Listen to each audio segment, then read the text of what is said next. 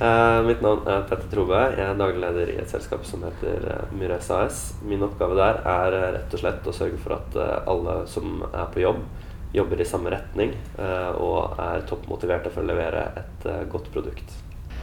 med HR-bakgrunn så kan jeg gå inn i hvilken som helst bransje og så lære meg bransjen etter det. men det er veldig mye lettere å tilpasse seg det enn å lære seg ledelse som en fagperson. Da. Ja. For å bli leder så er det viktigste å bli kjent med seg selv. Det er uh, nummer én. Jeg tror det er også derfor man ofte må være litt gammel for å få en type lederstilling, fordi det tar ofte litt tid å bli kjent med seg selv.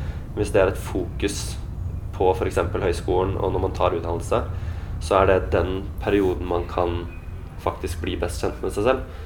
Uh, finne ut uh, hva er svakhetene, hvordan lærer man best, hva er styrkene dine Eh, og det å på en måte anerkjenne alle de egenskapene hos seg selv.